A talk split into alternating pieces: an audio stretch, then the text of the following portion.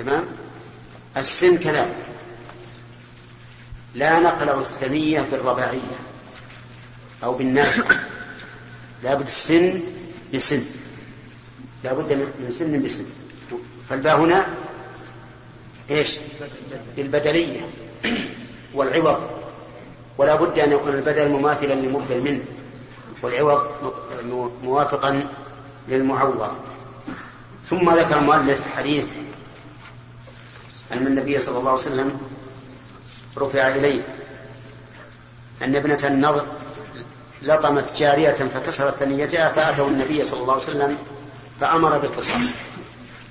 والمؤلف رحمه الله ساقه هنا مختصرا والقضية مشهورة. فإن ابنة النظر لطمت جارية من الأنصار فكسرت ثنيتها. فأتوا بها إلى النبي صلى الله عليه وسلم. فأمر بأن تقطع أو بأن تقلع ثنية الربيع بنت النضر. الربيع بنت, بنت النضر. فقال أخوها أنس يا رسول الله والله لا تقلع ثنية الربيع. فقال يا أنس كتاب الله القصاص. ثم إن أهل الجارية عفوا. فقال النبي عليه الصلاة والسلام إن من عباد الله من لو أقسم على الله لأبره. فأنس رضي الله عنه حين قال والله لا تقلع لا يريد بذلك معارضة الحكم الشرعي أبدا. وإنما أراد الثقة بالله عز وجل. أن لا تقلع هذه الثنية فلهذا أبره الله عز وجل. نعم. باب نعم. المعتدي كان ماله هذا الجزء مثلا؟ كان نصب قطع الإبهام ومثلا بالإبهام في ماذا فلا قصاص. تكون الدية أو مثل كسر الثنية ثنية ثنتين المتجاورتين في وسط الأسنان. وليس له ثنية يسقط القصاص. نعم. نعم قلنا لا يمكن القصاص إذا اختلف الاسم أو الموضع نعم. لكن إذا حصل تراضي. ما يجوز. لو حصل التراضي. لأن الإنسان أمانة عند نفسه. ولهذا قال أهل العلم لا يجوز أن ينقل عضو للآخر ولو من ميت أوصى به.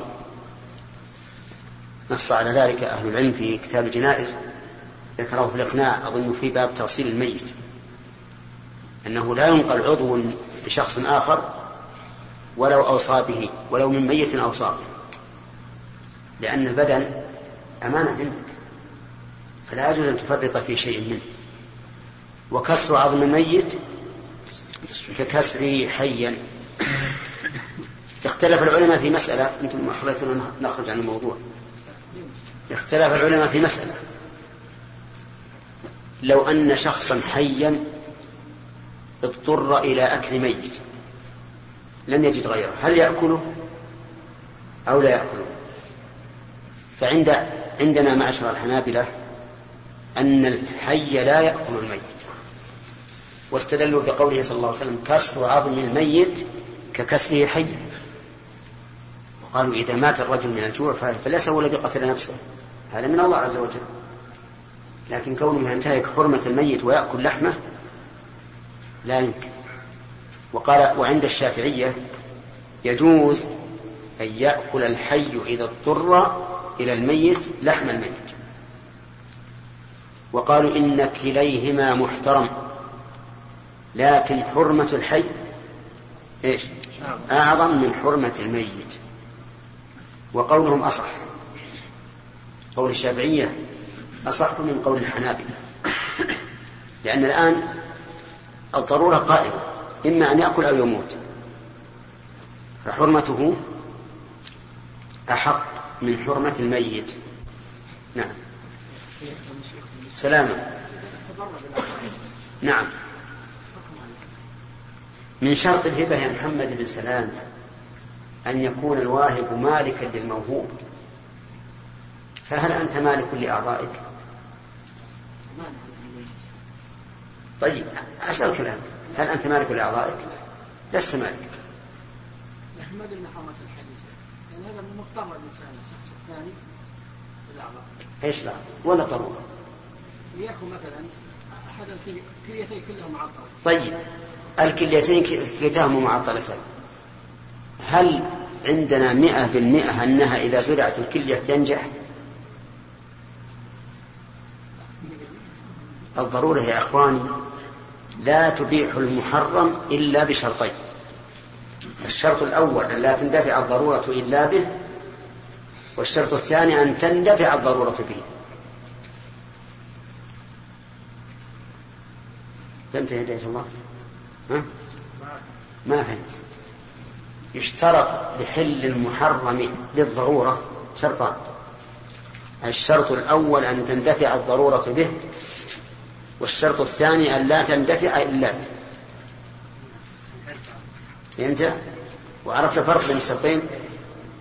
أن تندفع الضرورة به معناها أن الإنسان إذا تناول المحرم اندفع الضرورة. وعلمنا أنه ينجو مثل أكل الميتة. نعلم الإنسان الجائع إذا أكل سلم من الموت. أن لا تندفع الضرورة إلا به يعني بأن لا نجد حلالا دونه. فإن وجدنا حلالا فلا ضرورة. طيب إذا وجدنا حراما لكنه أخف كخمر ودخان. ها؟ وش السبب الخمر؟ لا يا أخي. واحد يقول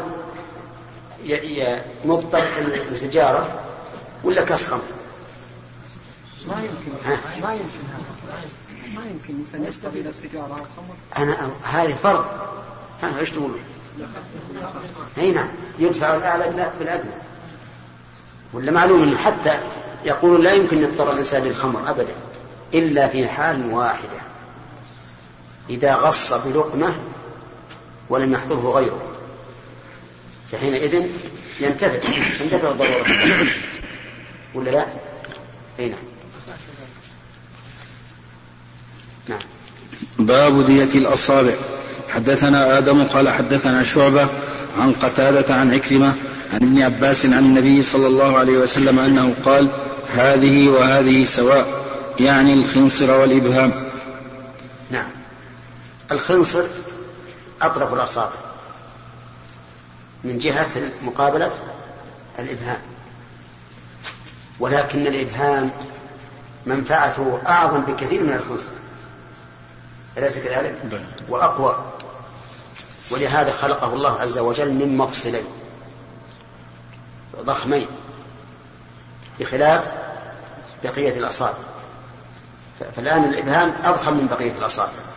وليس فيه إلا مفصلان. وهو مقابل لكل الأربعة. إذا أردت أن تنزع شيئا هكذا. وش يقابل؟ يقابل أربعة. يقول هذه وهذه سواء وإنما نص عليهما لتباين ما بينهما من المنفعة. ومع ذلك هما سواء في الدية. ولكن ما ديتهما؟ هنا محل السؤال. يقول العلماء في توزيع الدية. ما في الإنسان منه واحد ففيه دية كاملة. وما فيه اثنان ففي الواحد نصف الدية. وما فيه ثلاثة ففي الواحد ثلث الدية. وما فيه خمسة ففي الواحد خمس الدية. وما فيه أربعة ففي الواحد ربع الدية. وما فيه عشرة ففي الواحد عشر. تمام؟ توزع الدية حسب ما في الإنسان من, من, من هذا الشيء. ما في الإنسان منه واحد مثل اللسان. اللسان ما فيه إلا واحد. والرأس.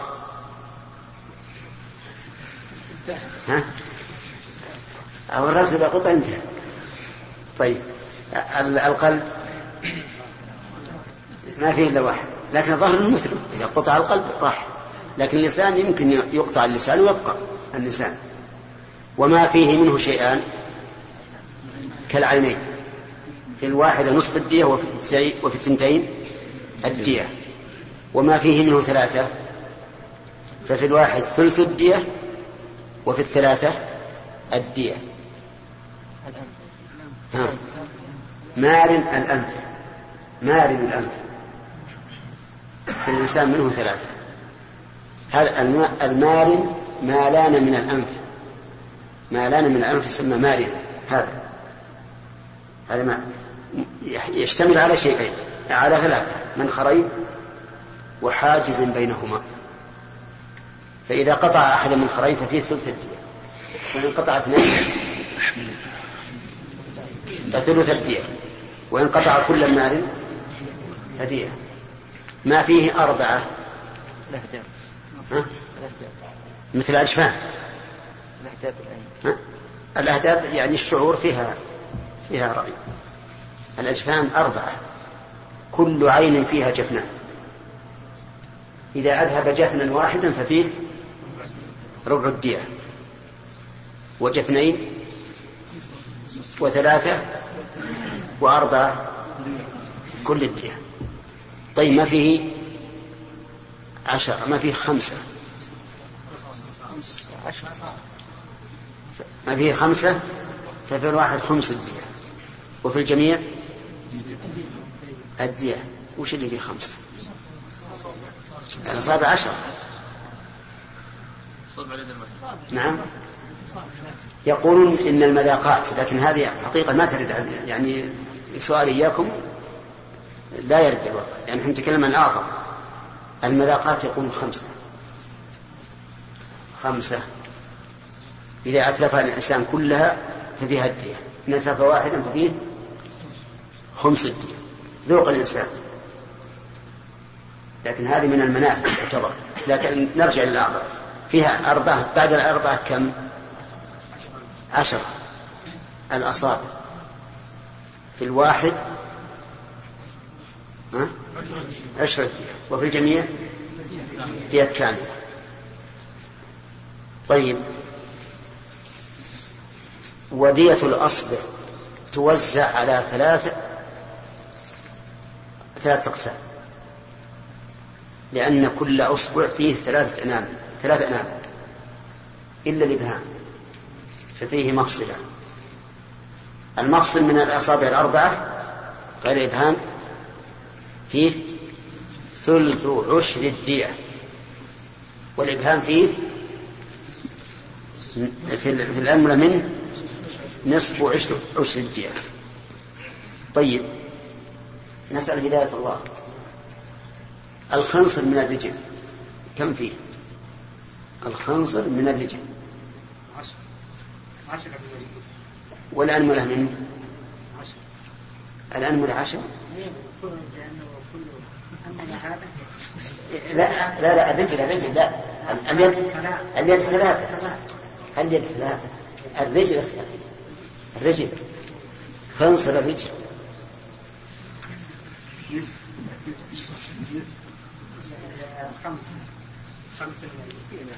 ها؟ يعني في الأنملة خمسة من الإبل لأن ما فيه إلا أنملتان ما فيه إلا أنملتان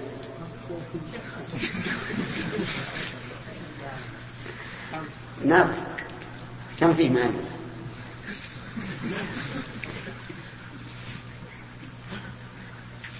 كم كم فيه من أنملة خمس أنامل لا لا ما فيه إلا أنملتان فقط وش تقولون؟ ما في شيء ها؟ ما في ما في أنامل أبد؟ كلها أنملة واحدة؟ سبحان الله. كل واحد يلمس خمسة لا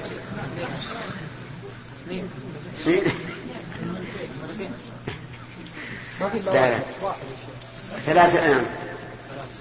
ثلاثة أنام. هنا في كل اسم من أصابع الرجل ثلاثة. أما غير الخنصر واضح. واضح غير الخنصر. شبل محل السبابة اللي هو الذي الإبهام واضح. ثلاث ثلاث ولا لا؟ واللي بعده واللي بعده والخنصر أيضا. ثلاث لكن لصغرها ما تبين فهمت؟ طيب الإبهام نشوف. الإبهام اثنان. نعم. طيب.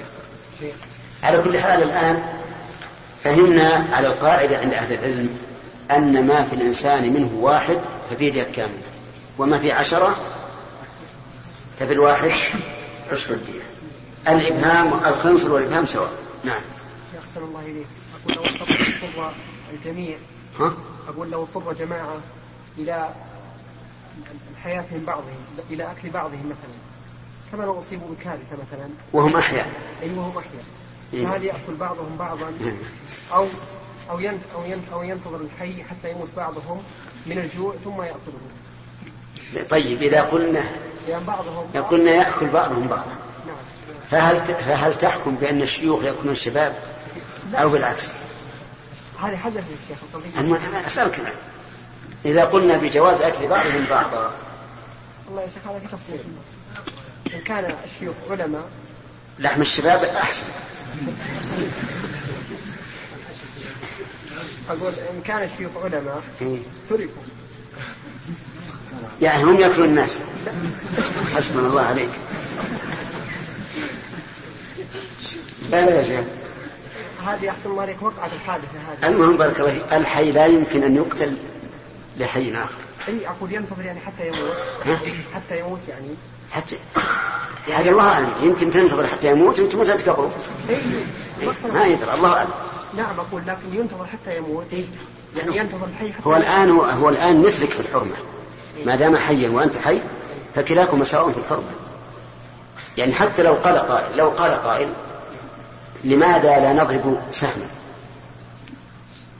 نساهم.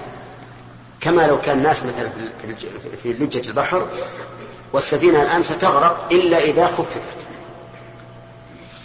في هذه الحال تلقى الأموال قبل كل شيء. تلقى الأموال قبل الأنفس. فإذا ثقلت حتى في الأنفس فلا بد من المساهمة. واللي تقع عليها القرعة ينزل في البحر. كما حصل لي- ليونس عليه الصلاة والسلام. لكن هذه مين من جنسها؟ لأن هذيك ال- الوعاء واحد حامل الجميع أما هذا كل إنسان منفرد بنفسه فلذلك لا يجوز أن نقرع بينهم. لو قالوا أقرعوا بيننا لا نموت كلنا. أقرعوا بيننا واللي, تدخل القرعة عليه يذبح ويوكل. ما يجوز هذا. طيب يا شيخ لو أكل مثلا بعضهم بعضا. و- وبقي اثنان الآن. هم الذين بقوا من الجماعة. فإن خاف أحدهما على نفسه من الآخر. صحيح يا شيخ ترى يعني هذه أنا ما أضربها افتراضية هذه وقعت طيب. لكن إن خاف أحدهما على نفسه من الآخر ها. فهل له أن يأكله أو لا؟ طيب ما خاف على نفسه كيف يعني؟ أي خاف على نفسه منه. هذاك أيضا خايف على نفسه. أي كذلك. كان يقعدون يعني فهل إذا خاف أحدهما على نفسه القضية واقعة الآن هذه. أي هذه وقعت في حادثة سقوط طائرة. إيه؟ سقطت الطائرة وبقوا في في مكان لم تكتشفهم الرادارات ولم تعثر عليهم الأجهزة. ثم أكلوا بعضهم بعضا. أكلوا بعضهم بعضا حتى ما بقي إلا اثنان فقط.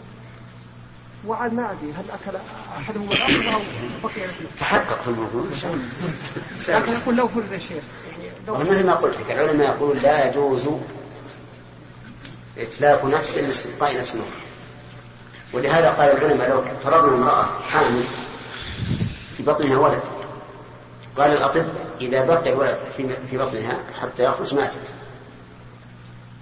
وإن طلعناه قبل مات هو. ما يجوز نطلق مع العلم بأن هذه فيها, مصلحة لأن إذا حيت هي المرأة الأم ربما يبقى الجنين حيا لكن لا يمكن أبدا أن نتلف نفسا لاستبقاء نفس أخرى شيخ الآن الآن إيش؟ الحكم العظم الداخل ولا اللحم؟ لا العظم الداخلي لأن الأنامل الآن الرابط, الرابط بينهما عصب بعضها بس الرابط بعض هذا المفصل الآن يمكن ينفصل يمكن ينفصل يبقى. أقصد المفصل الآن المفصل لو كسر عنقه أو العظم بقي المفصل آه يعني كسر كسرا. هذه عند الفقهاء ما يمكن القصاص فيها. يعني لا لا قصاص في الأعضاء إلا إذا كان من مفصل أو له حد ينتهي إليه. فلو مثلا كسرت الأنملة من الوسط ما في قصار لكن في الدية الدية نعم. نعم. ظل فيه بعيران. إذا جبر مستقيما ففيه بعيران. نعم. حدثنا خلاص. نعم. حدثنا محمد بن بشار قال حدثنا ابن أبي عدي عن شعبة عن قتادة عن عكرمة عن ابن عباس أنه قال سمعت النبي صلى الله عليه وسلم نحوه. باب إذا أصاب قوم من رجل هل يعاقب أم يقتص منهم كلهم؟ وقال مطرف نعم يا شيخ. كلهم. أم يقتص منهم كلهم؟ وقال مطرف عن الشعبي في رجلين شهدا على رجل أنه سرق فقطعه علي ثم جاء بآخر وقال أخطأنا فأبطل شهادتهما وأخذ بدية الأول. وأخذ بدية الأول وقال لو علمت أنكما تعمدتما لقطعتكما. وقال لي وقال لي ابن بشار حدثنا يحيى عن عبيد الله عن نافع عن ابن عمر رضي الله عنهما أن غلاما قتل غيلا فقال عمر لو اشترك فيها أهل صنعاء لقتلتهم. وقال مغيرة بن حكيم عن أبيه أن أربعة قتلوا صبيا فقال إن أربعة قتلوا صبيا فقال عمر مثله وأقاد, وأقاد أبو بكر وابن الزبير وعلي وسويد بن مقرن من لطمة وأقاد عمر من ضربة بالدرة وأقاد علي من ثلاثة أصوات واقتص شريح من صوت وخموش. حدثنا مسدد قال حدثنا يحيى عن سفيان قال حدثنا موسى بن أبي عائشة عن عبيد الله بن عبد الله قال قالت عائشة لددنا رسول الله صلى الله عليه وسلم في مرضه وجعل يشير إلينا لا تردوني. قال فقلنا كراهية المريض الدواء بالدواء فلما أفاق قال ألا أنهكن فيها نسخة ألم أنهكن أن تلدوني؟ قال قلنا كراهية للدواء. فقال رسول الله صلى الله عليه وسلم لا يبقى منكم أحد إلا لد وأنا أنظر. إلا العباس فإنه لم يشهدكم. هذا الباب أراد المؤلف رحمه الله إذا اشترك جماعة في الجناية هل يؤخذون جميعا أو يؤخذون مباشرة؟ والصواب أنهم يؤخذون جميعا. ما داموا اتفقوا على قتله أو صلح فعل كل واحد لقتله. هذا القاعدة. إذا اشترك جماعة في جناية أخذوا بمقتضى هذه الجناية إذا اتفقوا على قتله أو صلح فعل كل واحد لقتله. عرفتم؟ طيب. إذا تمالأوا لأن كل واحد يقوي الآخر فالمباشر لولا من لولا من معه من الذين مالؤوه لم يقتل. فيكون تكون مباشرة مبنية على إيش؟ على السبب. فيؤخذ الجميع. ثم استدل بآثار وحديث. يقول قال مطرف عن الشعبي في رجل شهد على رجل أنه سرق فقطعه علي ثم جاء بآخر وقال أخطأنا. أخطأنا بالنسبة للأول. يعني جاء برجل آخر غير الأول وقال أخطأنا في الأول والسارق هذا الثاني. فأبطل شهادتهما وأخذ بدية الأول. أبطل شهادتهما بالنسبة للثاني. كذا؟ وأخذ بداية الأول أخذا أي الشاهدان وقال لو علمت أنكما تعمدتكما تعمدتما لقطعتكما. فهذا دليل على أن الرجلين إذا اشتركا في الجناية نعم. أخذا به. وفيه دليل أيضا على أنه إذا اجتمع الشاهد والحاكم والقاضي فالضمان على من؟ على الشاهد. لأن لدينا الآن في هذه المسألة ثلاثة شاهد وحاكم وقاضي. لكن الحاكم والقاضي مبنى عملهما على الشهادة. فإذا جاءنا شهود وشهد على شخص بقتل فقتل الرجل بحكم الحاكم. ثم رجع هؤلاء الشهود وقالوا نحن تأمدنا قتله وإلا فإنه بريء من القتل. هل نقتل هؤلاء الشهود؟ كلهم. كلهم. لأنه اشتركوا في الجناية. طيب.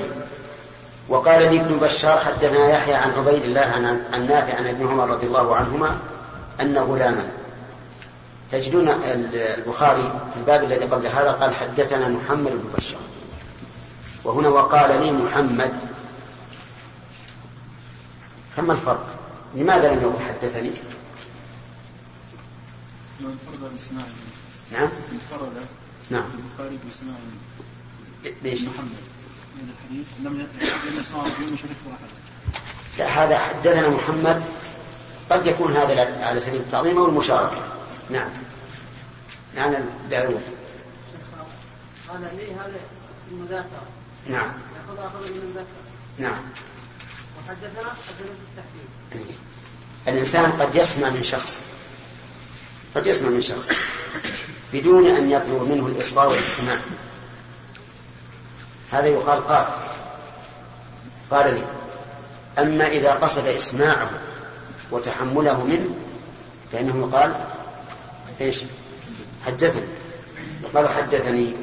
ففرق بين شخص يحدث الإنسان حديث عادي عادي عادي وبين شخص يجلس له ليحدثه فيروي عنه. هذا الفرق. طيب يقول أن غلاما قتل غيلة فقال عمر لو اشترك فيها أي في هذه القتلة أو فيه أظن فيه نسخة فيه. أي نعم فيه نسخة. أهل صنعاء لقتلتهم كأن عمر رضي الله عنه قتل هؤلاء الذين قتلوا الرجل غيلة والغيلة فعله مأخوذة من الاغتيال وهي أخذ الإنسان على غرة هذه الغيلة. قتل الغيلة اختلف العلماء رحمهم الله. هل يجب قتل القاتل وإن عفى أولياء المقتول؟ أو إذا عفى أولياء المقتول رفع عنه القتل. والصحيح أنه لا خيار له وأن من قتل غيلة وجب قتله. لعظم فساده ولتعذر التحرز منه. عرفتم؟ يأتي الإنسان إلى شخص نائم يقتله من يتحرز من هذا أو, أو يمر به في السوق فيقتله من يتحرز؟ فالصحيح أن قتل الغيلة كما هو مذهب مالك واختيار الشيخ الإسلام ابن تيمية لا خيار فيه لأولياء المقتول. لأن قتله من باب حفظ الأمن العام. عرفتم؟ طيب. إذا كيف ما هو الشيء الذي يخير فيه؟ القتل بالمقاتلة. إنسان أتى إلي وأنا مستعد وحاضر وشهر عليه السلاح فقمت وشهرت عليه السلاح وحصل القتل. هذا هو الذي يخير فيه هؤلاء المقتول. أما الغيلة فإنه لا بد من قتل القاتل بكل حال. طيب عمر قتل فيه جماعة وقال لو اشترك فيه أهل صنعاء لقتلتهم. أهل بلد كامل مدينة كاملة لو اشتركوا في قتل هذا الرجل لقتلتهم به. طيب الضابط نعيد مرة ثانية. ما هو الضابط لقتل جماعة في الواحد أن يتمالأ. عليه أو يصلح فعل كل واحد لقتله وإن لم يتمالأ. كما لو رمى اثنان شخصا. ما ليس بينهم اتفاق. رمياه فمات. فمات من الإصابتين. فهنا يقتلان به مع أنه لا تواطؤ. لأن فعل الواحد منهم لو لو انفرد لكان موجبا للقصاص. ولهذا العبارة أو الضابط تقتل الجماعة الواحد إيش؟ إن صلح فعل كل واحد. لقتله أو تمالأوا عليه. نعم. طيب بسم الله يا جماعة نعم. وقال المغيرة بن حكيم عن أبيه إن أربعة قتلوا صبيا فقال عمر مثله. يعني لو اشترك فيه أهل صنعاء لقتلتهم به. وأفاد وأقاد أبو بكر وابن الزبير وعلي وسويد بن مقرن من لطمة كم هؤلاء؟ أربعة. أبو بكر وابن الزبير وعلي وسويد بن مقرن اثنان من الخلفاء الراشدين.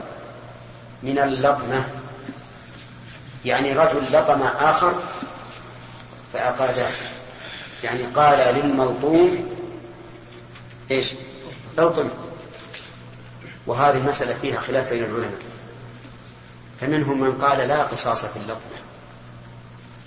لتعذر المماثلة. تعذر المماثلة. لأنه ربما يلطم يلطم الرجل لطمة خفيفة والملطوم يريد أن ها يزيد. فيلطم لطمة أشد. فلما كانت المماثلة متعذرة أو متعسرة سقط القصاص. والصحيح أن أن القصاص ثابت في اللطمة أولا لهذه الآثار التي أشار إليها البخاري وثانيا في قصة الرجل الذي كان بارزا في صف القتال. فضرب النبي عليه الصلاة والسلام بطنه فقال يا رسول الله القصاص. فكشف النبي صلى الله عليه وسلم عن بطنه وقال اقتص. فقال أظنه قبله وقال يا رسول الله لا لا أريد القصاص لكن أريد أن يمس جلدي جلدك أو كلمة نحوها وهذا أيضا دليل واضح. ثم عند عموم الآيات وإن عاقبتم فعاقبوا بمثل ما عاقبتم به. فمن اعتدى عليكم فاعتدوا عليه بمثل ما اعتدى عليكم. ولكن إذا خيف من أن المقتص يزيد في اقتصاصه فهنا يمنع. يقال اصحى إن كانت لطمتك أشد فسوف نكمل عليك. لطمة تواصل. لطمتك نحذر من هذا. يقول وأقاد عمر من ضربة بالدرة. الدرة نوع من الصوت. ضرب به ضرب إنسان شخصا به. فأقاده بذلك. وأقاد علي من ثلاثة أصوات صورتها أن شخصا ضرب شخصا ثلاثة أصوات فأقاد علي. واقتص شريح شريح القاضي المشهور من سوق وخموش.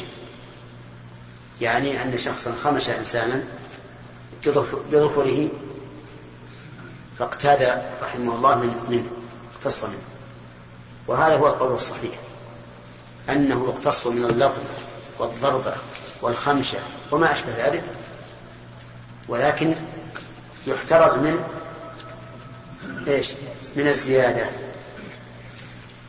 ثم ذكر المؤلف الحديث المسند وهو لد النبي صلى الله عليه وسلم.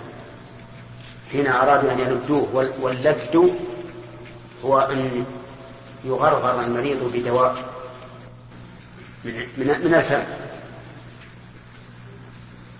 فقال فأشار لهم النبي عليه الصلاة والسلام أن لا تلدوني فظنوا أنه قال ذلك كراهية الدواء.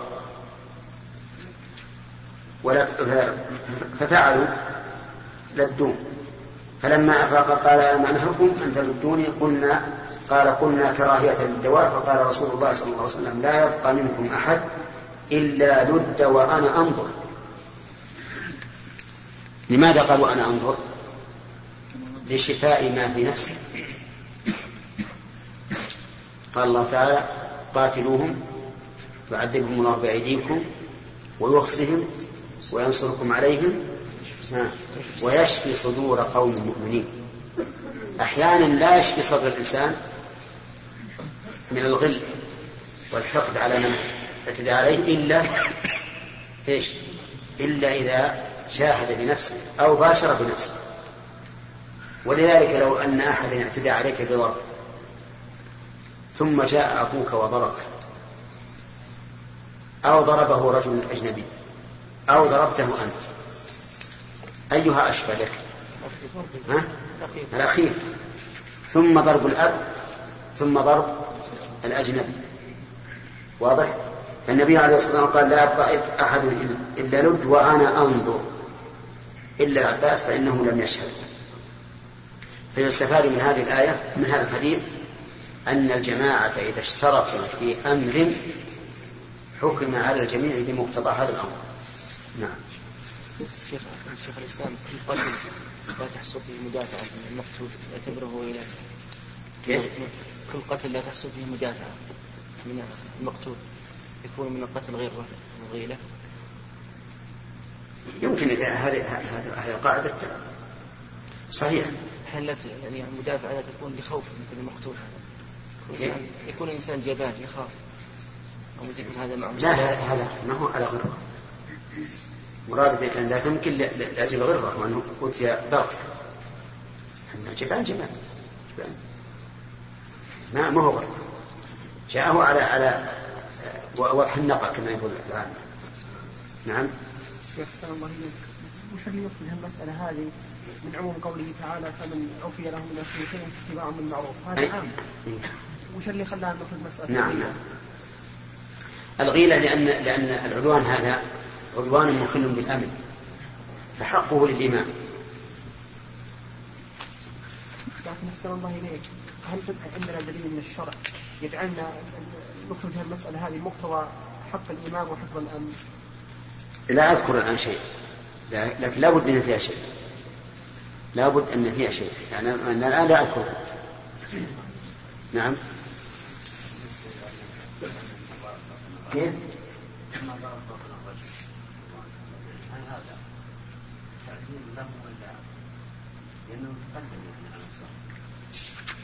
نعم.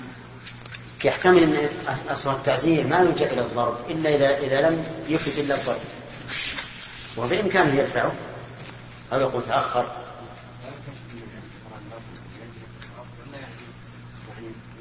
لعل الرجل كان كان بطنه مكشوفا لأن ما فوق السره يجوز كشفه نعم.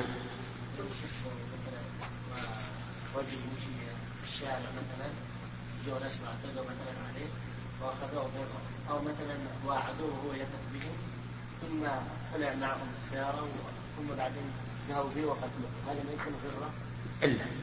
هو من الغيله اذا ما- إيش؟ يعني حتى لا لا ما ما له معه لا بد أن يقتل. باب القسامة. وقال الأشعث بن قيس قال النبي صلى الله عليه وسلم شاهداك أو يمينه وقال ابن أبي مليكة لم يقد بها لم يقد بها معاوية. وكتب عمر بن عبد العزيز إلى عدي بن أرطاه وكان أمره على البصرة في قتيل وجد عند بيت من بيوت السمانين. إن وجد أصحابه بينة وإلا فلا تظلم الناس فإن هذا لا يقضى فإن هذا لا يقضى فيه إلى يوم القيامة. نعم. القسامة مأخوذة من القسم وهو اليمين. وتجرى القسامة إذا وقع قتيل بين قبيلة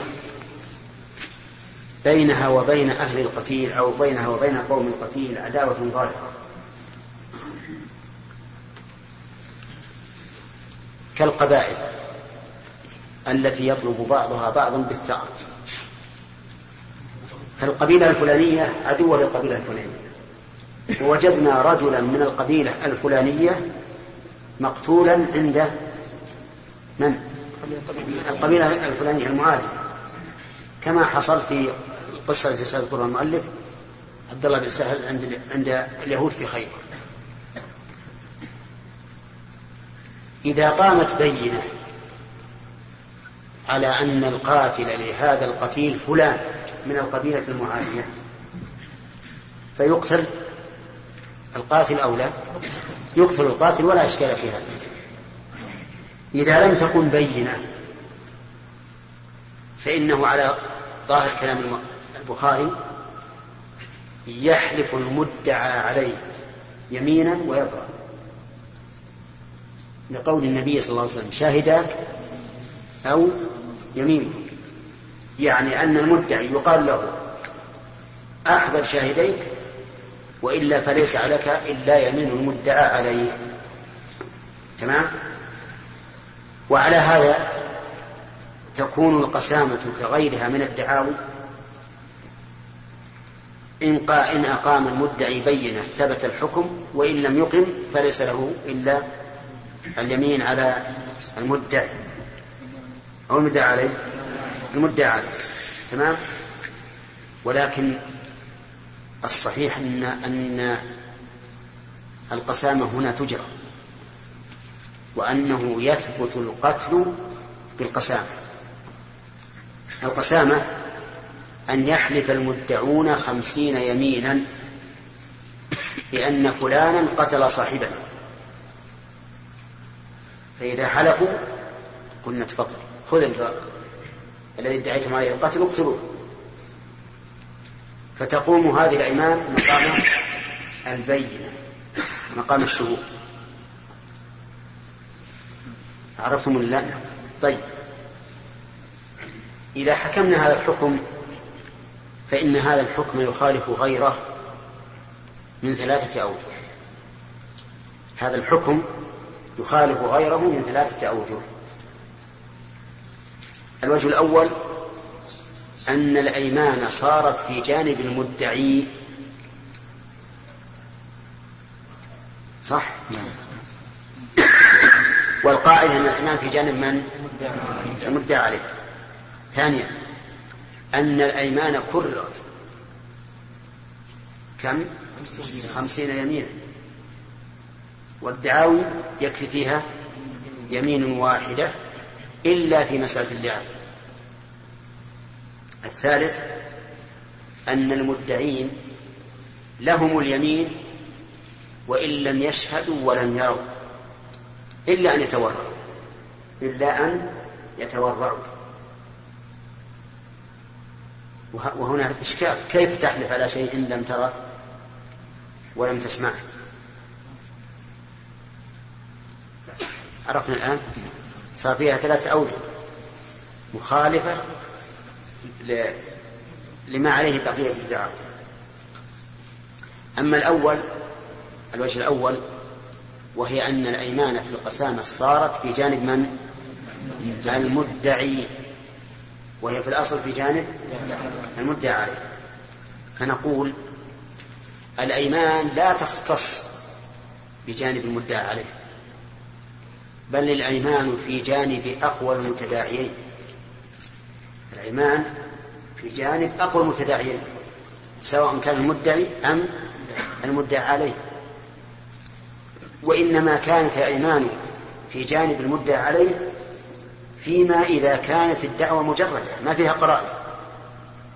ولذلك لو أن يرحمك الله لو أن رجلا طلق امرأته وادعت عليه أن أواني المجلس الذي يقدم للرجال لها.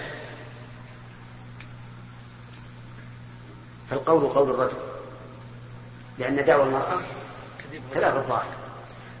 ولو أنه هو نفسه ادعى أن الخواتم والأسورة التي في في الصندوق له.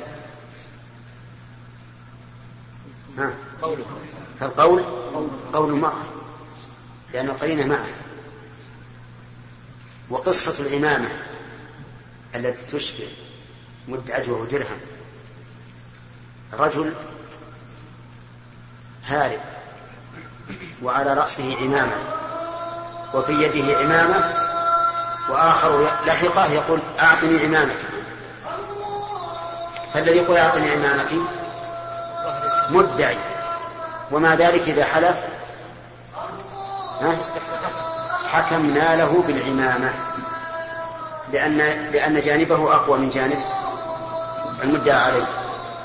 كذلك القسامة جانب المدعين فيها أقوى من جانب المدعى عليهم فلهذا صارت اليمين في جانبهم. ونكمل البحث فيها إن شاء الله لأنه مهم. إذا هل خرجت القسامة عن بقية الدعاوي في كون اليمين من جانب المدعي؟ لا. لأنه تبين الآن أن اليمين في جانب أقوى المتداعيين. الثاني الحكم الثاني تكرار الأيمان فيها. تكرار الأيمان فيها. والجواب عنه أن نقول إنما كررت الأيمان لعظم الدعوة. لعظم الدعوة. ولهذا كررت الأيمان في جانب في الجانبين في مسألة اللعان. شهادة أحدهم أربع شهادات بالله فتكرار الأيمان من أجل إيش؟ من أجل عظم الدعوة. فكررت. ثالث يشهد على كيف يحلف هؤلاء على أمر لم يعلموا به؟